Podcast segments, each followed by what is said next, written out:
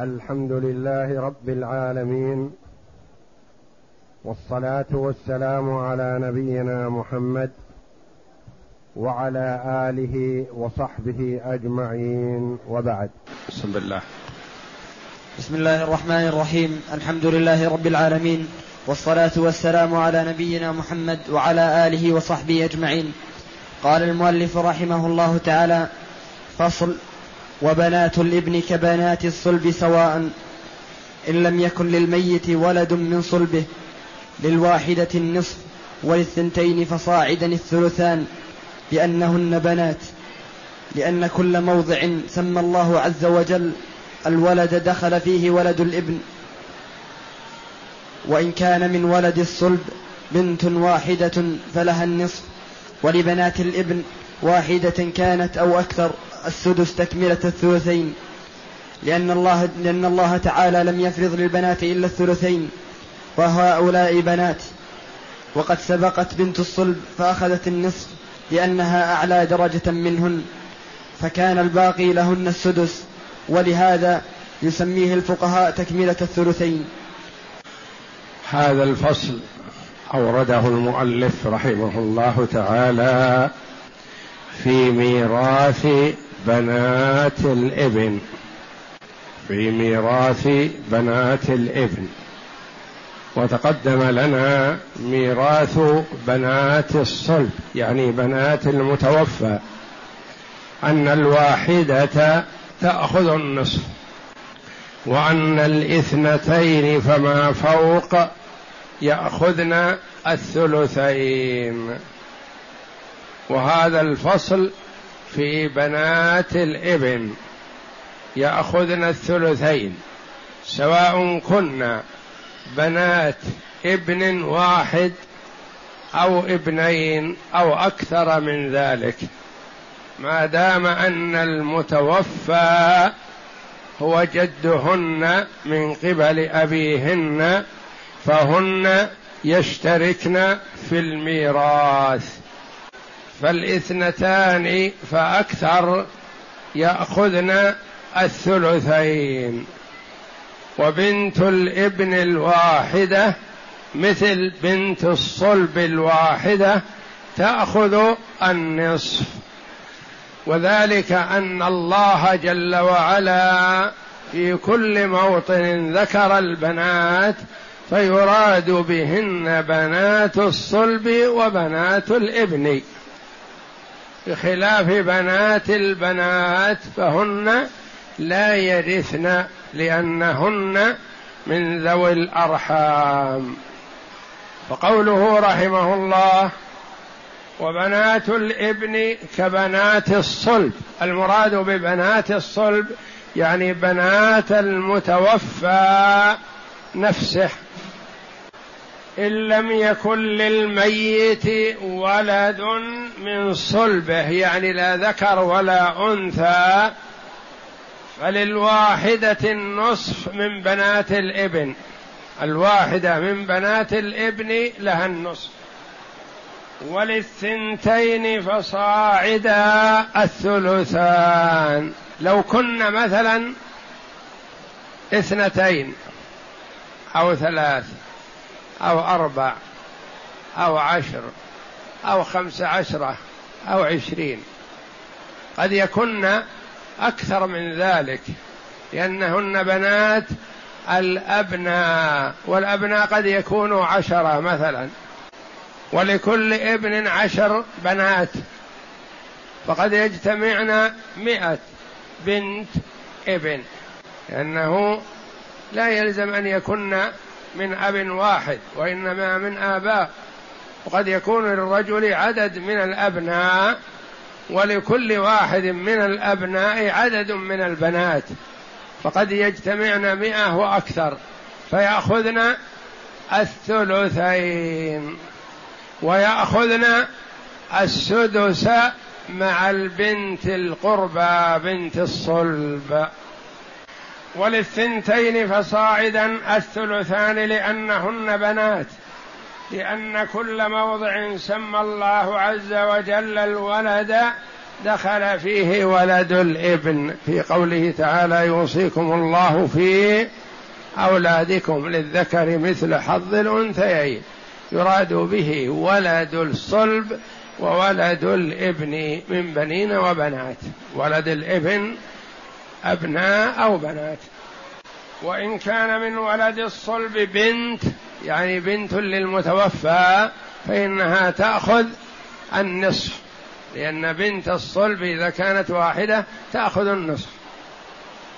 ولبنات الابن معها يأخذن الثلث يأخذن السدس تكملة الثلثين. واحدة كانت أو أكثر قد يجتمع مئة بنت ابن فيشتركن في السدس لأن النصف تأخذه بنت الصلب. والسدس تكملة الثلثين تأخذه بنات الابن الابن أو بنات الأبناء. ولبنات الابن واحدة كانت أو أكثر السدس تكملة الثلثين. لما قيل تكملة الثلثين؟ لأن الله تعالى لم يفرض للبنات إلا الثلثين. في قوله تعالى يوصيكم الله في أولادكم للذكر مثل حظ الأنثيين. فإن كن نساء فوق اثنتين فلهن ثلثا ما ترك. وإن كانت واحدة فلها النصف. فالواحدة لها النصف. وأكثر من اثنتين يعني اثنتين فأكثر لهن الثلثان. والثلثان يجتمعن به. ثم إن كان متفرقات بنات صلب وبنات أبناء فإن كن بنات الصلب أكثر من واحدة يأخذن الثلثين وتسقط بنات الإبن. وإن كانت بنات الصلب واحدة أخذت النصف وأخذت بنات الإبن السدس تكملة الثلثين لأن الله فرض للبنات الثلثين. وهؤلاء بنات يقول وقد سبقت بنت الصلب فأخذت النصف. بنت الصلب تأخذ النصف لأنها أعلى درجة منهن وكذلك بنت ابن أعلى ممن دونها كأن يكون مثلا هلك هالك عن بنت ابن وبنتي ابن ابن ابن أنزل منها. فالبنت بنت الابن القربى تأخذ النصف وبنات الابن النازل يأخذن مع السدس تكملة الثلثين. لأنها أعلى درجة منهن فكان الباقي لهن وهو السدس الباقي من الثلثين. ولهذا يسميه الفقهاء رحمهم الله تكملة الثلثين. يعطون بنات الابن السدس تكملة الثلثين اللذين اللذين سماهما الله جل وعلا للبنات. نعم. وقد روى وقد روى الهزيل قال سئل أبو موسى رضي الله عنه عن عن ابنة وابنة وابنة ابن وأخت فقال للابنة النصف وللأخت النصف وأوت ابن مسعود. رضي الله عنه فسئل ابن مسعود وأخبر بقول أبا أبي موسى فقال لقد ضللت إذا وما أنا من المهتدين. ثم قال أقضي فيها بما قضى رسول الله صلى الله عليه وسلم للإبنة النصف وللإب ولإبنة الإبن السدس تكملة الثلثين وما بقي فللأخت. فأتينا أبا موسى فأخبرناه بقول ابن مسعود فقال لا تسألوني ما دام هذا الحبر فيكم. رواه البخاري. هذا الحديث الصحيح. أتى آت الذي هو الهزيل إلى أبي موسى الأشعري رضي الله عنه وكان باليمن وهو من صحابة رسول الله صلى الله عليه وسلم. فسألوه عن بنت وبنت ابن وأخت شقيقة. فأداه اجتهاده رضي الله عنه إلى أن قال للبنت النصف كما فرض الله جل وعلا في كتابه. وللأخت الشقيقة النصف. بنت الابن ما بقي لا شيء. وأت ابن مسعود فاسأله فسيقول مثل ما قلت. فأتوا إلى عبد الله بن مسعود رضي الله عنه وكان باليمن. فسألوه قالوا هذه المسألة وسألنا أبا موسى الأشعري فقال لنا كذا وكذا وأمرنا أن نأتيك فستوافقه. مثل ما قال. فقال رضي الله عنه لقد ضللت إذا وما أنا من المهتدين. ما أقلده. وعندي سنة رسول الله صلى الله عليه وسلم. يؤخذ من هذا تفاوت الصحابة رضي الله عنهم بالعلم. يقول قد ضللت إذا وما أنا من المهتدين. إن قلت أبا موسى الأشعري في هذه المسألة. وعندي سنة رسول الله صلى الله عليه وسلم. وإنما أقضي فيها بما قضى رسول الله صلى الله عليه وسلم. للإبنة بنت الصلب لها النصف. ولإبنة الإبن السدس تكملة الثلثين لأن الله جل وعلا جعل نصيب البنات الثلثين. فأخذت البنت النصف بقي تكملة الثلثين السدس تأخذه بنت الابن وما بقي فهو للأخت لأنها أصبحت عصبة مع الغير. تأخذ الباقي. لو كان في جدة أخذت السدس وما بقي للأخت الشقيقة. وهكذا. فقسمها عبد الله بن مسعود رضي الله عنه على ضوء ما أخذ عن النبي صلى الله عليه وسلم. فرجعوا إلى أبي موسى رضي الله عنه. قالوا ذهبنا إلى ابن مسعود وقال لنا كذا وكذا.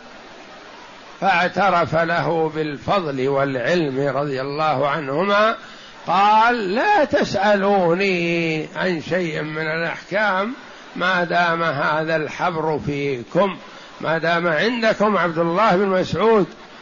حبر يعني عالم عالم جليل لا تسألوني عن شيء اسألوا العالم. فالصحابة رضي الله عنهم كانوا يتدافعون الفتوى إذا سئلوا عن شيء كل واحد يقول اذهبوا إلى فلان فإنه أعلم مني. اذا فبنات الإبن يأخذن الثلثين بكم شرط؟ بثلاثة شروط. تقدم لنا أن بنات بنات الصلب يأخذن الثلثين بشرطين.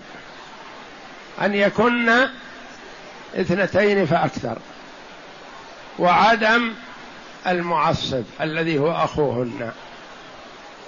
أن يكن اثنتين فأكثر وأن لا يوجد ابن. عدم لأن الابن هو معصبهن. بنات الابن يأخذن الثلثين بثلاثة شروط.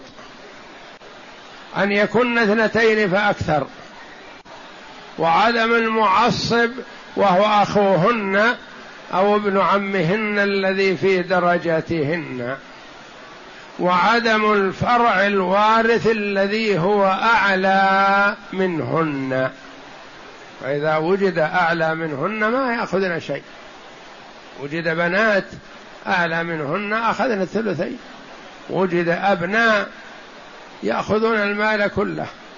وجد بنات وأبناء فيأخذ صاحب الفرض فرضه وما بقي للبنات والأبناء وليس للبني الإبن لأولاد الإبن شيء. إذا يأخذن بنات الإبن الثلثين بثلاثة شروط. أن يكون اثنتين فأكثر. وعدم المعصب وهو أخوهن أو ابن عمهن الذي في درجتهن. وعدم الفرع الوارث الذي هو أعلى منهن. وبنات الإبن يأخذن السدس إذا كن مع بنت الصلب. أما إذا كن مع بنات الصلب فلا يأخذن شيء لأنه أخذ الثلثين. بنات الإبن يأخذن السدس مع البنت الواحدة من بنات الصلب. تأخذ النصف وتأخذ بنات الابن السدس تكملة الثلثين. اقسم. هلك هالك عن بنتين وبنت ابن وعم. بنتين وبنت ابن وعم. المسألة من ثلاثة. نعم. للبنتين الثلثان اثنان والباقي للعم. وبنت الابن ما تأخذ شيئا ألم تقول لها السدس؟ إذا لم يستكمل الثلثان. أما إذا استكمل ما بقي لها شيء. هلك هالك عن بنتي ابن.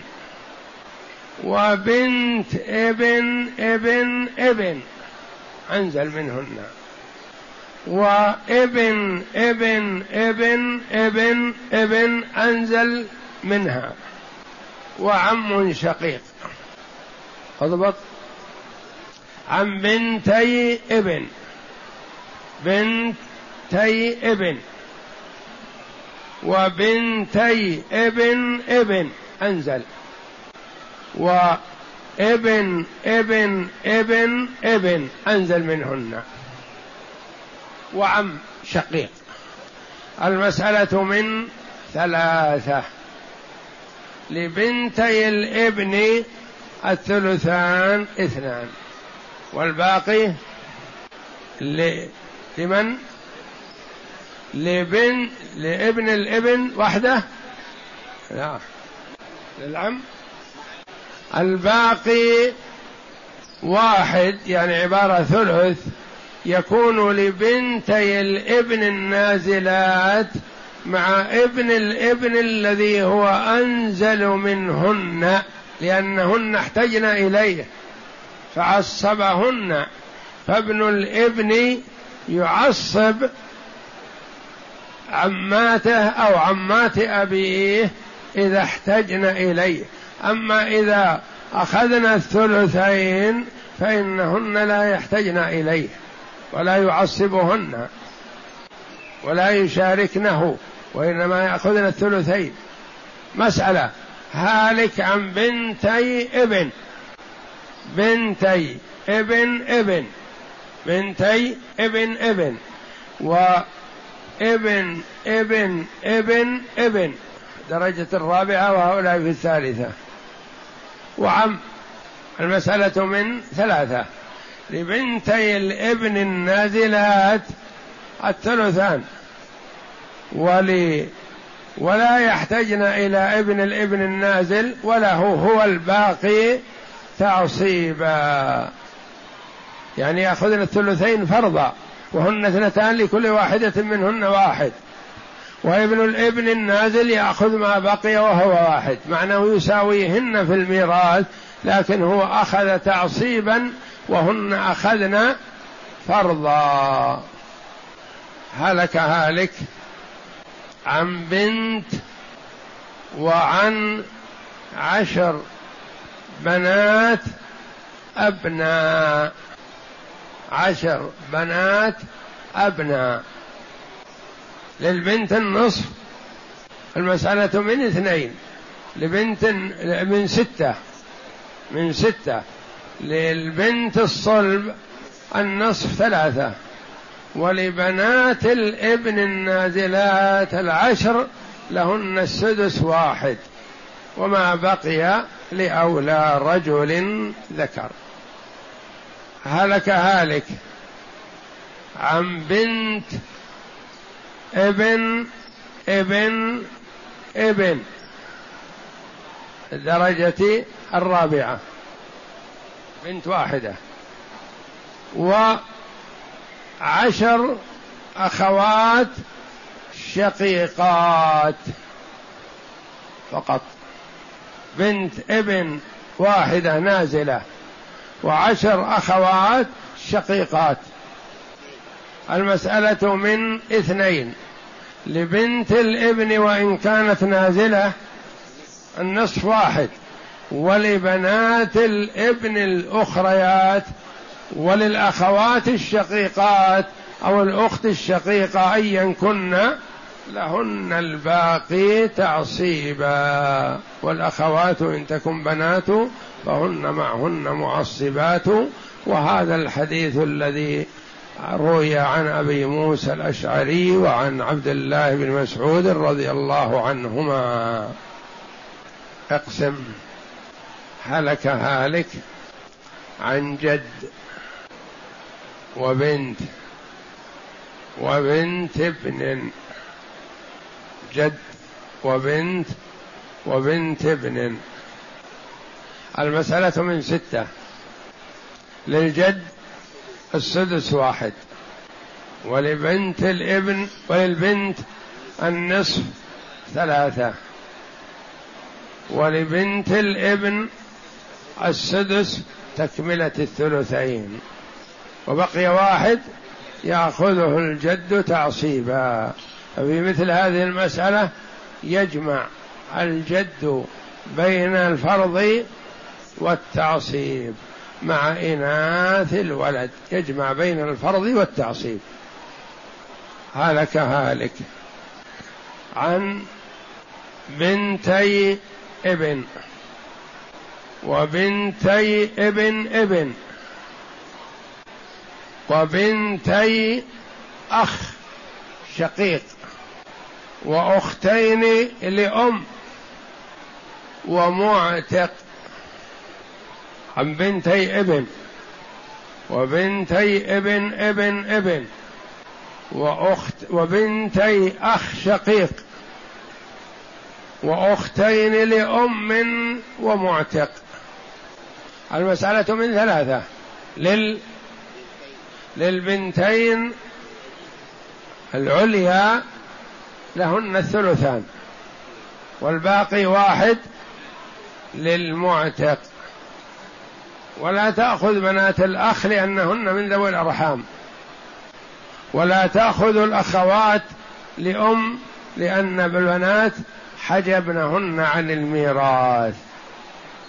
فالباقي يكون للعاصب وأقرب العاصب الذي وجد هو المعتق.